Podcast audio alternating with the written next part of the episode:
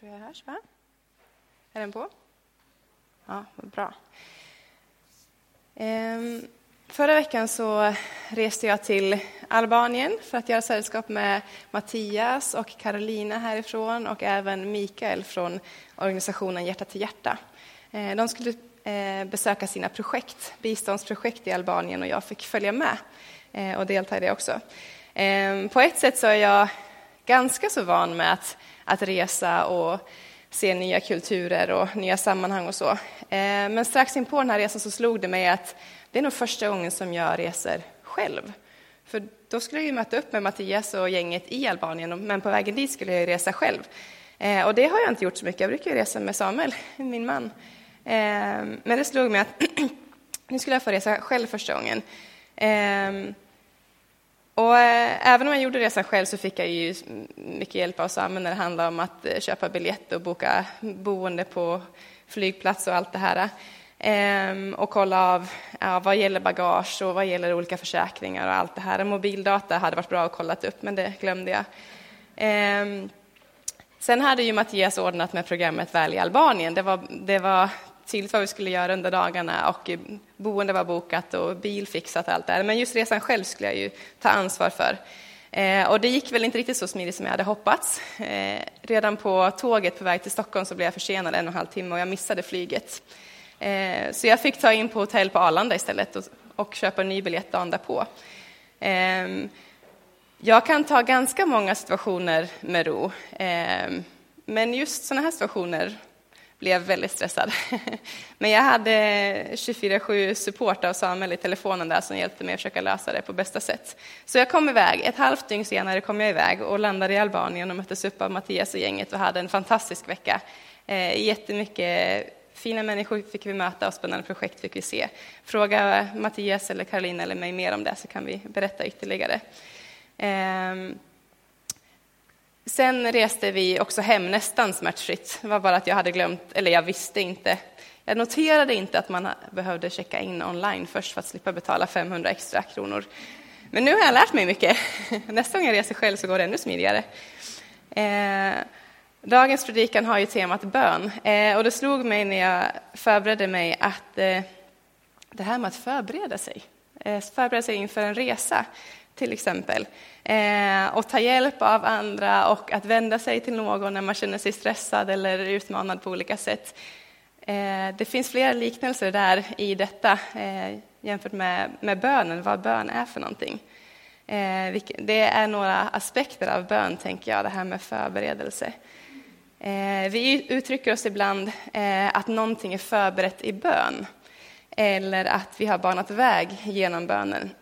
Och här påminns jag av, eller om ett samtal med min pastor Mita. Vi höll på att fundera över hur kommer det sig att det händer så mycket, att Gud gör så mycket under kristna konferenser eller när stora tal, kända talare talar. Varför händer det så mycket där? Varför ser vi inte lika mycket i våra mindre församlingar där vi möts? Eh, och jag tyckte att hon eh, hade väldigt goda tankar kring det. Eh, för hon sa att ja, men tänk bara vad mycket förväntan människor kommer med när de kommer till de här stora konferenserna, när de kommer till de här kända talarna. Eh, och tänk vad förberett det är i bön. Både från de som arrangerar konferenserna, mötena, men också de människor som kommer dit med en längtan. Tänk vad mycket bön som, eh, som människor har bett runt omkring detta.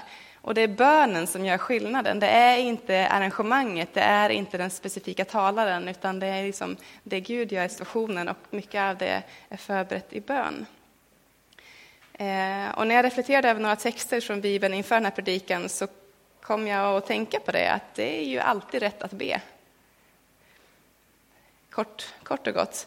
Eh, och det var väldigt uppfriskande att träffa våra trossyskon i Albanien eh, när de utan minsta tvekan tar tillfället på den här fina restaurangen att ah, men nu ber vi inför maten och så en väldigt härlig kort bönestund. Otroligt uppfriskande för mig som en svensk som kanske inte har samma frimodighet. Eh, men den här tanken på att det alltid är rätt att be, den ska inte på något vis förväxlas med tanken på att vi alltid borde be vi som svenskar, tror jag, men kanske människan överlag, har ju så lätt för att alltid putta in det här ordet borde. i det mesta. Vi borde göra det här, vi borde göra så. Ehm, vi, borde, vi slänger in ordet borde i var och varannan mening, men till vilken nytta då? Ehm, det är klart att vi inte ska tvinga oss in i situationer som vi inte är bekväma med, till exempel be i situationer då vi inte alls känner oss bekväma med det. Det är inte det som är poängen. Så man skulle kunna vända på den här meningen och istället säga att det är aldrig fel att be. Så kanske vi har lättare att ta till oss det. Eh, men då ringer en liten klocka i bakhuvudet eh, på mig från min innebandytränare som på gymnasiet ständigt sa till mig att tala alltid i positiva termer. Ta bort negationen, vänd på meningen och prata positivt istället. Eh, så därför säger jag det är alltid rätt att be istället för att säga det är aldrig fel att be.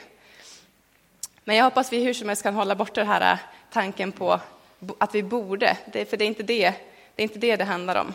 Ehm, en av texterna som jag har läst inför dagens predikan handlar om Salomo, kung Davids son. Ehm, och den här texten finns ju i Gamla testamentet, i Första Konungaboken kapitel 3. Ehm, och texten, eh, det som utspelar sig i texten är att Salomo just har tillträtt tronen efter sin far David. Eh, och det beskrivs i texten hur Herren kommer till Salomo i en dröm. Eh, och han säger till Salomo, be om vad du vill, så ska jag ge dig det. Och jag läser här ett stycke, Första Kungaboken 3, 6-15. Salomo svarade, du visade stor godhet mot din tjänare David, min far, eftersom han levde troget, rättfärdigt och redligt inför dig. Om du har hållit fast vid denna stora godhet och gett honom en son som nu sitter på hans tron, det har du gjort. Eh, det är du, Herre min Gud, som har gjort mig till kung efter min far David. Och här står jag nu, ung och oerfaren, mitt i det folk som du har utvalt. Ett folk så stort, så talrikt att det inte kan räknas. Ge din tjänare ett lyhört sinne så att jag kan skipa rätt åt ditt folk och skilja mellan gott och ont. Vem skulle annars kunna döma över ditt väldiga folk? Denna bön behagade Herren. Det gladde honom att Salomo bad om detta. Gud sade, eftersom du bad om detta och inte om ett långt liv, om, eller om rikedom eller om, att dina, om dina fienders död, utan du bad om gåvan att urskilja vad som är rätt, så uppfyller jag nu din bön och gör dig visare och mer insiktsfull än någon som har varit före dig eller kommer att bli efter dig. Också det som du inte har bett om ger jag dig, rikedom och ära i alla dina dagar, mer än vad någon annan kung har haft. Och om du vandrar mina vägar och rättar dig efter mina bud och stadgar, så som din far David gjorde, ska jag ge dig ett långt liv. Då Salomo vaknade förstod han att det varit en dröm, efter återkomsten till Jerusalem trädde han fram inför Herrens förbundsark och offrade brännoffer och gemenskapsoffer och höll ett gästabud för alla sina män. Texten som följer den här berättelsen eh, handlar om två kvinnor som kommer till Salomo. Eh, och det handlar om just detta, att han ska skipa rätt emellan dem. Eh, och jag läser även den för er, 16 till 28. Det kom en gång två skökor till kungen, och de fick företräde för honom. Lyssna, herre, sa den ena, vi bor i samma hus, jag och den där kvinnan, och där födde jag ett barn, och hon var med. Två dagar efter mig födde också hon. Det var bara hon och jag, ingen främmande var hos oss, och vi var ensamma. En natt dog hennes son, hon hade legat ihjäl honom. Då steg hon upp mitt i natten medan jag sov och tog min son som jag hade intill mig och la honom hos sig och det döda barnet lade hon hos mig. När jag steg upp för att amma min son på morgonen var han död. Men när jag såg på honom där på morgonen så upptäckte jag att det inte var det barn som jag hade fött. Då sade den andra kvinnan, nej, det är min son som lever och det är din som är död. Men den första ropade, nej, din son är död, min lever. Och så tvistade de inför kungen. Då sa han, den ena säger, det är min son som lever och din som är död. Den andra säger, nej, det är din son som är död och min som lever. Och kungen sa, räck mig ett svärd. När man kom med svärdet sa kungen, hugg det levande barnet i tu och ge hälften åt det ena och hälften åt det andra. Då sa hon som var mor till den levande pojken, ty kärleken till sonen överväldigade henne. Herre, ge honom hellre åt den andra, döda honom inte. Den andra sa, nej, ingen av oss ska ha honom, hugg. Då befallde kungen, ge det levande barnet åt kvinnan här, döda honom inte, det är hon som är hans mor. Hela Israel fick höra om den dom som kungen hade fällt och alla fylldes av vördnad för honom. De förstod att kungen skipade rätt i kraft av gudomlig vishet. Det här är en av de texterna som jag minns från när jag var liten, som jag minns från söndagsskolan. Eh, för jag, liksom folket i den här berättelsen, så häpnade jag över den vishet som Salomo gjorde uttryck för. Eh, hur han kunde skipa rätt mellan de här kvinnorna. Eh, hur Gud gav honom vishet in i den här specifika situationen där människor på egen hand inte kunde reda ut det. De hade inte en lösning på problemet, men Gud gav honom den visheten som behövdes för att lösa problemet. Och jag tänker att vi behöver så mycket av det här idag. Vi behöver så mycket av Guds vishet idag. Eh, tänk att Gud kan leda oss med sin vishet genom situationer där vårt eget sinne inte finner lösningen. Jag tror inte att jag är ensam om att tycka att vi lever i en tid som är ganska komplicerad. Det är svårt att leva ett liv och känna att jag kan vilja tryggt i att de val jag gör är goda val. När det kommer till min familj, när det kommer till mitt samhälle, mina medmänniskor, mitt land och omvärlden, miljön, djuren. Det är inte lätt att kunna sitta tryggt och veta att de val jag gör de kommer få goda effekter, för det är komplicerat.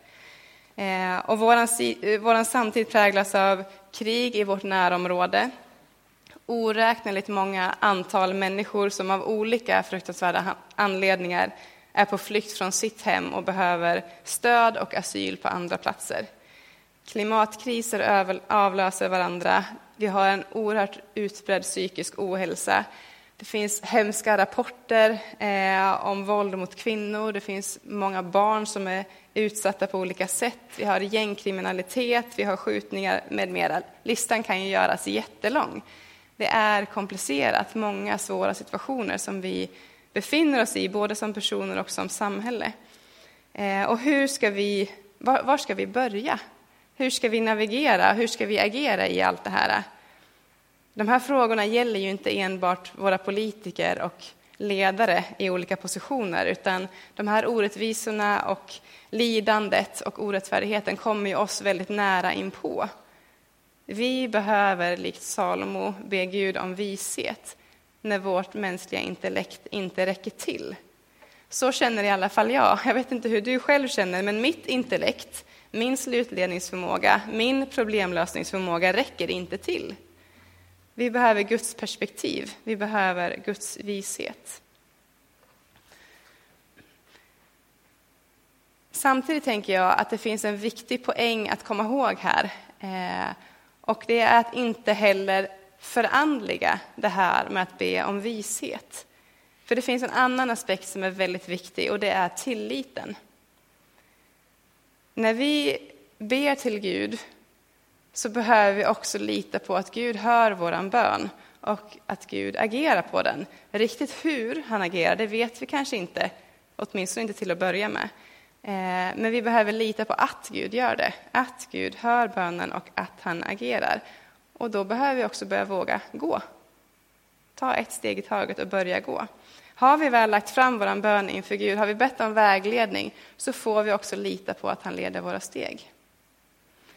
Jag har aldrig sett någon eldskrift på väggen. Eh, jag har aldrig sett hur en bibelvers har lyfts fram ur texten rent visuellt. Jag har inte varit med om det. Eh, jag har inte hört en eh, fysisk röst som jag, har, som jag tänker har varit Guds röst. Men ändå så är jag övertygad om att Gud har lett mig så tydligt så många gånger i livet. Jag tvekar inte en sekund på det. Och hur kan det då vara så? Jag tänker att det handlar om tilliten. Jag tänker att det handlar om friden och jag tänker att det handlar om Guds skaparkraft. Tilliten, som sagt, att lita på att Gud har hört min bön. Och jag litar på att han agerar på den. Eh, och då kan jag börja gå. Eh, och friden som jag får uppleva när jag vandrar med Gud. Att vi kan få uppleva den här sinnesfriden när vi har lagt fram det till Gud som vi bär på eh, och sen gå. Så får vi uppleva en sinnesfrid när vi går med Gud. Inte varje dag och ständigt givetvis, men jag har många gånger fått uppleva den här sinnesfriden och känt att tack vare det så kan jag vara trygg i att Gud håller det här i sin hand. Men också skaparkraften, eh, vetskapen om att Gud har skapat mig med ett intellekt, han har skapat mig med sinnen som hjälper mig och som vägleder mig. Varför skulle Gud skapa en människa med intellekt, sinnen och förmåga att känna in situationer om Gud inte vill att vi använder det? Jag kan inte sitta lamslagen och vänta på att rent fysiskt höra eller se, uppfatta Gud och sen gå. Jag behöver lita och börja gå eh, innan jag ser eller hör någonting. Eh, Gud har gett mig redskap och han vill att jag använder de redskapen. Jag får gå med Gud i bön och tro och lita på att han vägleder mig. Och då kommer vi in på ytterligare en annan aspekt som jag tänker är väldigt viktig här och det är frågan om ifall det finns en väg för varje människa, en plan för varje människa. När det handlar om det här med att göra ett val eller eh, känna att man vet hur, hur Gud vägleder. Eh, jag tror absolut att Gud har tankar för våra liv och jag tror absolut att Eh, han har tankar om vad vi kan göra, vad jag kan göra med mitt liv utifrån vem jag är, med mina förmågor och gåvor och samma sak för varje människa. Eh, och jag har, tror absolut att Gud har tankar om hur vi kan vara till välsignelse för andra människor. Men jag tror inte att det finns en väg för varje människa. Tänk bara då på vilka trauman människor måste leva med, som någon gång kanske på mitten av 1900-talet var med på väckelsemöten, fick ta emot en missionskallelse men av någon anledning inte agerade på den missionskallelsen utan stannade hemma och som därefter resten av livet har burit på en känsla av att jag missade eller jag valde bort Guds väg för mig. Jag vet hur min farmor ibland kunde prata om att hon fick den här typen av missionskallelse på ett väckelsemöte. Jag vet inte uttryckligen om hon själv upplevde det eller om hon blev givanden. Det har hon inte specificerat.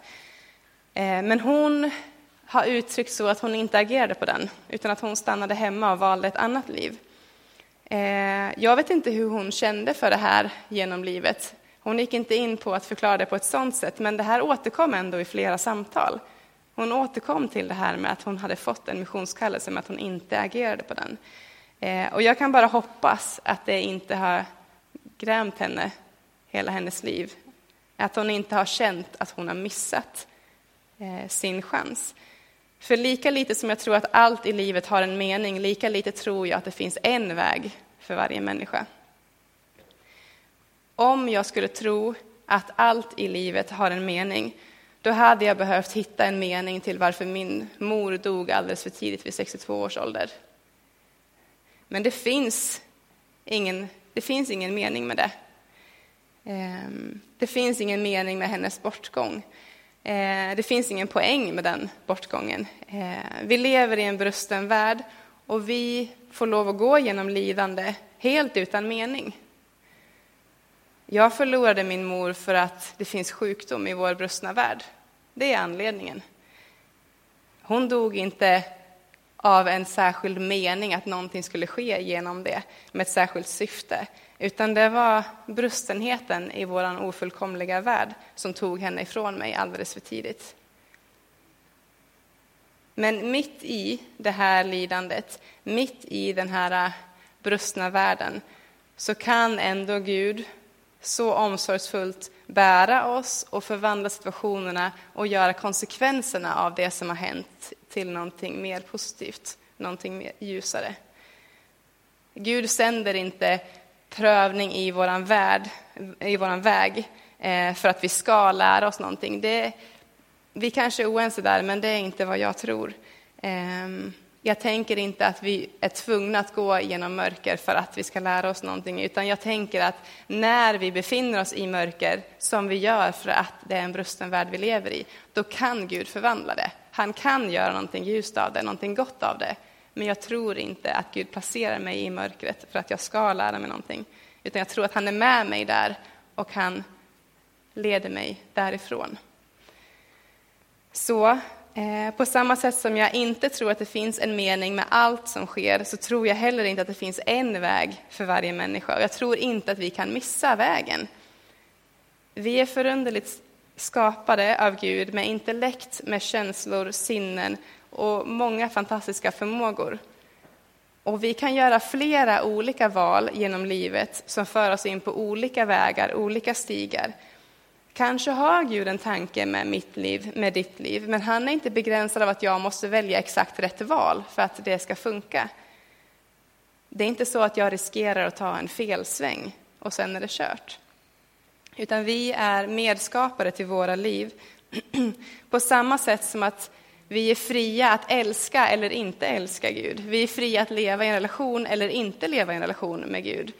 Vi är fria till att välja och vi är fria till att älska. Tillbaka till tanken om bön och att det alltid är rätt att be. En av de texter i Bibeln som tydligt ger oss redskap för bön är ju ifrån Bergspredikan i Matteus evangeliet. Där finner vi bönen Fader vår, eller Vår Fader. Eh, och den här, det här kapitlet det inleds med orden var noga med att inte utföra era fromma gärningar i människors åsyn för att de ska lägga märke till er. Jag tänker att jag ska läsa det här stycket för er också, kapitel 6 i Matteus evangeliet. Var noga med att inte utföra era fromma gärningar i människors åsyn för att de ska lägga märke till er. Annars har ni ingen lön att vänta hos er fader i himlen. När du ger allmosor, låt då inte stöta i basun för dig som hycklarna gör i synagogorna och på gatorna för att människor ska prisa dem. Sannerligen, de har redan fått ut sin lön. Nej, när du ger allmosor, låt då inte vänstra handen veta vad den högra gör. Ge din allmosa i det fördolda, då ska din fader som ser det fördolda belöna dig. När ni ber ska ni inte göra det som hycklarna. De älskar att stå och be i synagogorna och i gathörnen för att människor ska se dem. Sannerligen, de har redan fått ut sin lön. Nej, när du ber, gå då in i din kammare, stäng dörren och be sedan till din fader som är i det fördolda. Då ska din fader som ser i det fördolda belöna dig. Och när ni ber ska ni inte rabbla tomma ord som hedningarna. De tror att de ska bli bönhörda för de många ordens skull. Gör inte som dem, ty er fader vet vad ni behöver redan innan ni har bett honom om det. Så ska ni be. Vår Fader, du som är i himlen. Låt ditt namn bli helgat. Låt ditt rike komma. Låt din vilja ske, på jorden så som i himlen. Ge oss idag vårt bröd för dagen som kommer och förlåt oss våra skulder, liksom vi har förlåtit dem som står i skuld till oss. Och utsätt oss inte för prövning, utan rädda oss ifrån det onda. Ty om vi förlåter människorna deras överträdelser skall er himmelske fader också förlåta er. Men om ni inte förlåter människorna skall inte heller er fader förlåta er era överträdelser. När ni fastar, se då inte dystra ut som hycklarna, som vanställer sitt utseende för att människorna ska se att de fastar. Sannerligen, de har redan fått ut sin lön. Nej, när du fastar, smörj in ditt hår, tvätta ditt ansikte så att inte människorna ser att du fastar, utan bara din fader i det, fördolda. Då ska din fader som ser i det fördolda belöna dig.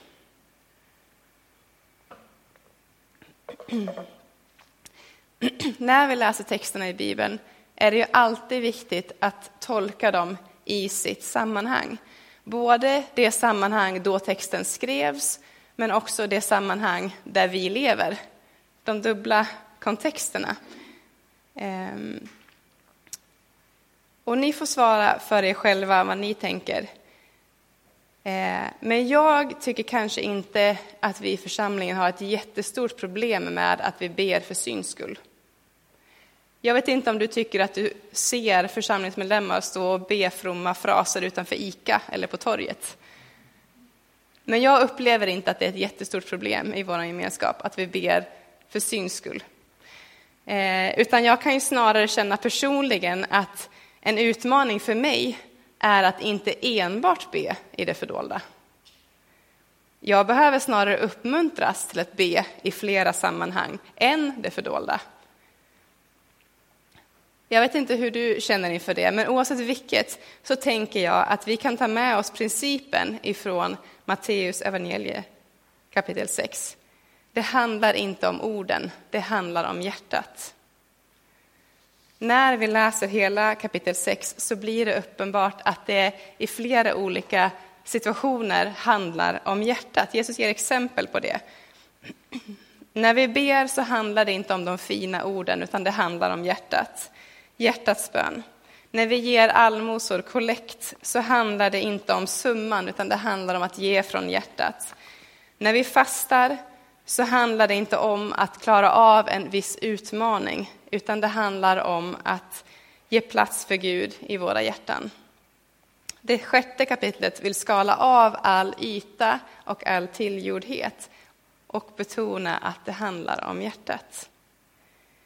Och jag tänker att vi kan vara helt trygga med att vi kan vara mer tydliga med vad som ligger på våra hjärtan.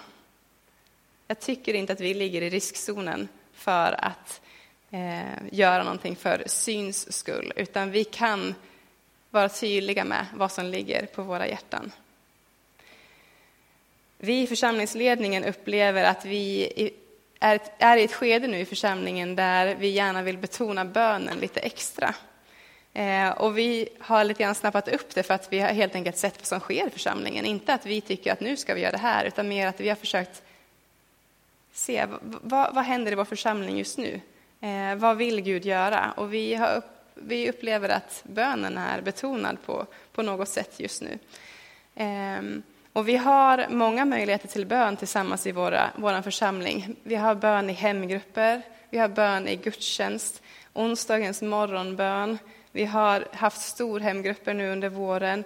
Vi har spontana bönemöten i våra i hem och liknande. Ehm, det finns inga särskilda former av bön som är bättre än andra.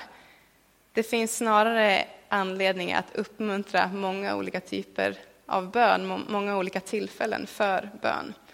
Ehm, och det vi kan fråga oss tillsammans som församling är hur leder Gud oss in i bönen just nu, i den här perioden? Eh, kanske har du någonting på hjärtat som du upplever att det här vill Gud just nu i vår församling, kopplat till, till bönen. Tillbaka till Matteus 6 och Fader vår. Eh, innan, strax när Jesus lär folket bönen Fader vår så säger han och när ni ber, rabbla inte tomma ord som hedningarna. De tror att de ska bli bönhörda för de många ordens skull. Gör inte som det, ty er fader vet redan eh, vad ni behöver innan ni har bett honom om det. Gud vet redan vad ni behöver. Gud vet redan vad jag behöver, så jag, behö jag skulle egentligen inte behöva uttrycka det, för han vet ju vad som finns i mitt hjärta, mina tankar. Jag behöver egentligen inte säga någonting. På ett sätt är det ju sant. Eh, Gud känner våra hjärtan och vet precis vad vi behöver och vad vi önskar. Och jag, många gånger kan vi möta den här frågeställningen Ska vi uttrycka eller inte? Gud vet ju redan. Kan vi möta det med att ja, men Gud vill ha en relation till oss? Um, och hur vore en vänrelation utan att tala med varandra? Hur djup vore den? Precis så kan vi tänka med relationen till Gud. Och jag håller helt med om det tankesättet, att främja och inspirera till bön på ett sådant sätt. Jag, är jag, jag tror verkligen att Gud önskar att vi ber för att det är ett sätt att kommunicera med honom, för att det är ett sätt att fördjupa vår relation till honom. Men den tanken som jag fastnade vid när jag läste den här versen inför den här predikan var snarare, vad händer med mig när jag ber? Jag inledde min predikan med att likna bön med en slags förberedelse att bereda marken. Eh, och jag kanske lite halvt säger emot mig själv nu, fast ändå inte. Men eh, jag funderar på hur mycket handlar min bön egentligen om att påverka Gud påverka Guds vilja, påverka Guds hjärta. Hur mycket kan vi ens påverka Gud? Eh, hur mycket handlar min bön om att Gud ska göra det jag ber om? Om det så gäller helande eller väckelse eller upprättelse. Frågan är hur mycket jag faktiskt kan påverka Gud. Det är en jättestor fråga och den ska vi inte ta just nu. Den kan vi fundera vidare på.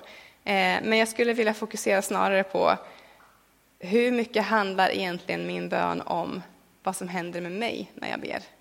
Vad sker i mig när jag ber? Eh, alla vi har erfarenhet av fysisk aktivitet eller träning på något slag. Kanske är det i form av tydligt dedikerad konditionsträning. Kanske är det i form av ett fysiskt krävande arbete.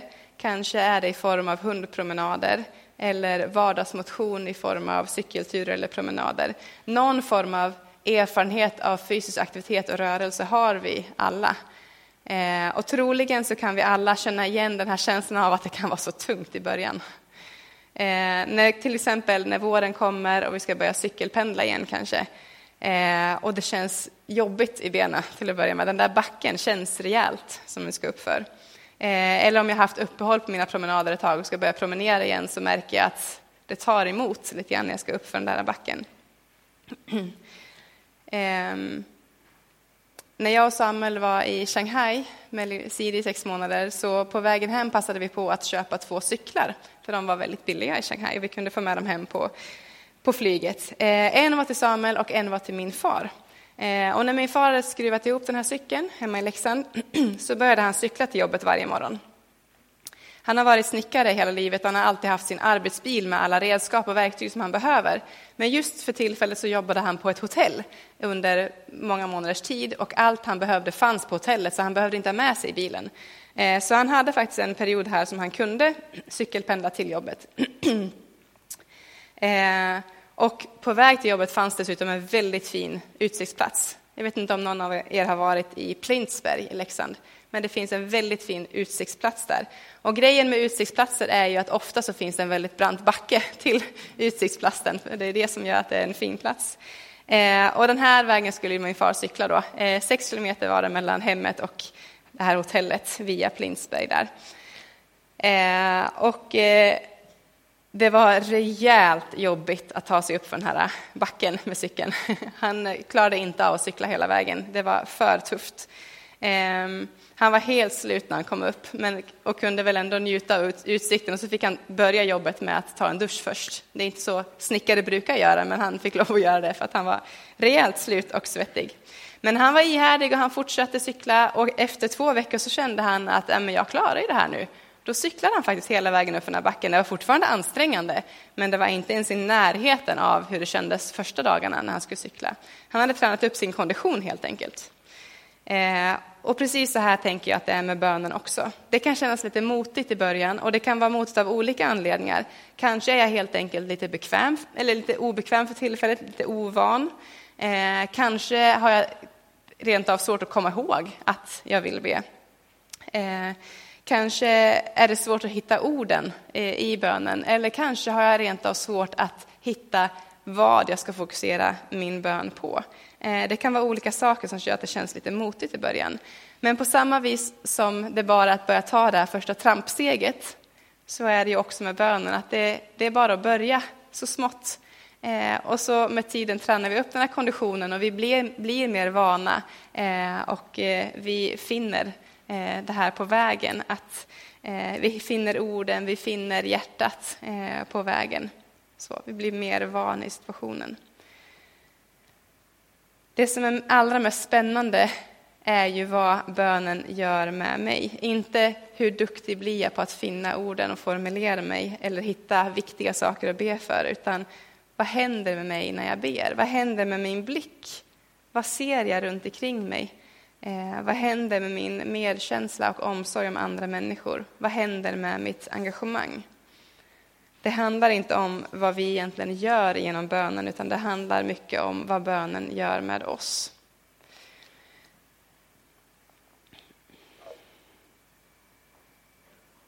För mig personligen eh, så är bönen i grunden någonting väldigt intimt. Min allra bästa bönestund är när jag sitter själv med min bibel och min anteckningsbok, min dagbok och min penna. Det är min bästa bönestund. Men jag ber också gärna tillsammans med andra människor. Eh, I fredags när vi satt i uterummet eh, och åt middag så sa Ella, sex år, plötsligt att jag tror att Joel ber nu. Joel är vår nya granne som är lika gammal som Ella och vi ser deras altan från vårt uterum. Eh, jaha, sa jag, det, tror du? Ja, det kanske beror, det beror väl på om de tror på Gud eller inte, sa jag till Ella, för det vet vi inte riktigt än. Eh, jo, men jag, jag såg att han åt förut, säger Ella, och nu håller han på att gå och lägga sig, så nu ber de. Jaha, tänkte jag, det kanske de gör. Och Nora reflekterade då över att, nej men Ella, jag vet inte om han gör det, jag vet inte hur många av våra vänner som, som ber när de ska äta och som ber när de ska gå och lägga sig. Det är inte säkert han ber. Och så höll de på att fundera lite grann på det här fram och tillbaka. Ehm, och jag ber som sagt gärna med andra, både runt maten, både till läggdags i familjen, men också i hemgrupp och i olika konstellationer i församlingen och i gudstjänsten och så vidare.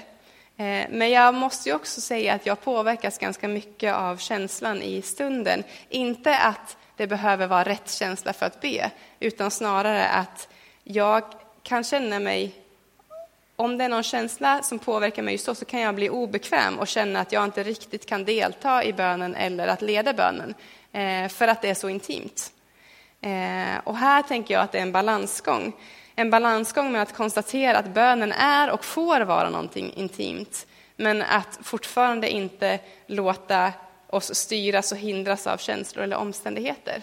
Det är någonting som jag utmanas av. Eh, men jag återkommer återigen till tanken om vad bönen gör med oss. Eh, och genom att ta små, små steg av bön, om vi får kalla det så, så kan vi bli mer och mer bekväma med bön i olika situationer. Jag tänker att vi i församlingen har många fina förebilder vad det gäller bön. Och jag tänker främst på våra äldre medlemmar. Nyligen fick vi ta farväl av en av våra äldsta, Silvia. Sylvia. Eh, och hon var en fantastisk bönekvinna. Och precis som Fredrik återberättade i parentationen så hade, så hade hon bönen för församlingen nära hjärtat in i det sista. Eh, jag har så många fina stunder av bön tillsammans med våra äldre i församlingen från att jag har fått göra hembesök. Eh, och det har varit fantastiskt. Eh, vilka förebilder och vilka bönehjärtan. Eh, tala om att ett liv har präglats av en ständig närvaro av bönen. Eh, och vi får i församlingen samlas och be på många olika sätt i många olika typer av konstellationer. Och de som är vana att be får inspirera den som känner sig lite mer ovan och lite mer obekväm. Det handlar inte om utförandet, det handlar om hjärtat. Och vi får helt och hållet lägga ner vår prestation när det kommer till bön. Jag har ingenting att prestera i bönen. Det handlar om att relatera till Gud, det handlar om att låta Gud verka i mig i bönen, i vårt sammanhang, i det vi står i. Och när Gud verkar så händer fantastiska saker. Gud kan förvandla oss som personer, Gud kan förvandla våra situationer, våra omständigheter och våra omgivningar. Och jag vill att du tar med dig frågan om vad vill Gud med vår bön i församlingen just nu? Har Gud lagt någonting särskilt gällande bönen på ditt hjärta just nu? Var frimodig och dela det med oss andra. Eh, kanske finns det någonting som du vill dela med församlingen gällande bönen i vår gudstjänst idag så finns det möjlighet för det eh, under tiden vi eh, sjunger lovsång. Eh, Gud har så mycket för oss eh, och bönen är... Det finns så mycket i bönen och Gud gör så mycket i bönen, både med den som ber, de som ber, men också med omständigheterna och det vi, vi ber för. Eh, och vi upplever att det läggs ett särskilt betoning på bönen i församlingen just nu. Så jag vill uppmuntra dig att delta i bönen. Eh, jag vill uppmuntra dig att vara frimodig i bönen och jag vill uppmuntra dig att inspirera, att vi får inspirera varandra i församlingen vad det gäller bönen. Låt oss börja med att be tillsammans nu. Herre Jesus, tack för att du är här mitt ibland oss. Tack för att vi vet det. Eh, du har sagt det i ditt ord att när vi samlas, oavsett hur många vi är, så är du mitt ibland oss. Eh, och vi får lita på det. Eh, tack för att du är en god Gud och vi kan lita på att allt du har för oss är gott. Och vi kan vara trygga i att du hör våra böner. Du agerar på dem och vi kan lita på att du går med oss, att vi kan börja ta steg Eh, i tro och lita på att du har lagt ner saker i våra liv som gör att vi kan avgöra vägen och du fortsätter att guida oss längs vägen också, Herre. Eh, tack för att du i bönen gör någonting med våra egna liv, att du skärper vår blick, att du gör våra hjärtan än mer mjuka och öppna eh, och att du formar oss i bönen, Herre. Tack för att du formar vår gemenskap, vår församling genom bönen, Herre. Eh, hjälp oss att eh, fortsätta vara ehm, öppna för, för varandra vad det gäller bönen, att, eh, att vara öppna för att be tillsammans i olika konstellationer, både i gudstjänst och i hemgrupper och i eh, mindre sammanhang. Eh, herre, hjälp oss att vara frimodiga när vårt hjärta slår för bönen, att, att våga delta i det, Herre. Eh, vi längtar efter att få se ännu mer av din nåd och din kärlek eh, och din vilja här i vår församling och i Rimforsa, Herre eh, ja, men fyll oss med ännu mer längtan och ge oss visioner och bilder för, för vad du vill, Herre. Mm. Kom heligande, kom heligande var mitt ibland oss. Eh, tack för att du för våran bön inför Gud. Tack heligande för att du ger oss orden, du ger oss, ja men du vädjar för oss inför Fadern. Eh, tack för det. Eh, tack för att bönen kan få vara en tyst, stilla stund eh, inför dig, att bönen kan få vara eh, att uttrycksfullt ge, sätta ord på någonting eh, eller handlingar, Herre. Tack för att bönen är så mycket eh, olika saker och att du är ständigt närvarande i allt detta. Vi inbjuder dig eh, här och nu, Gud, att göra ditt verk, att vara mitt ibland oss och vi inbjuder dig att gå med oss varje dag. Eh, mm. Kom heligande.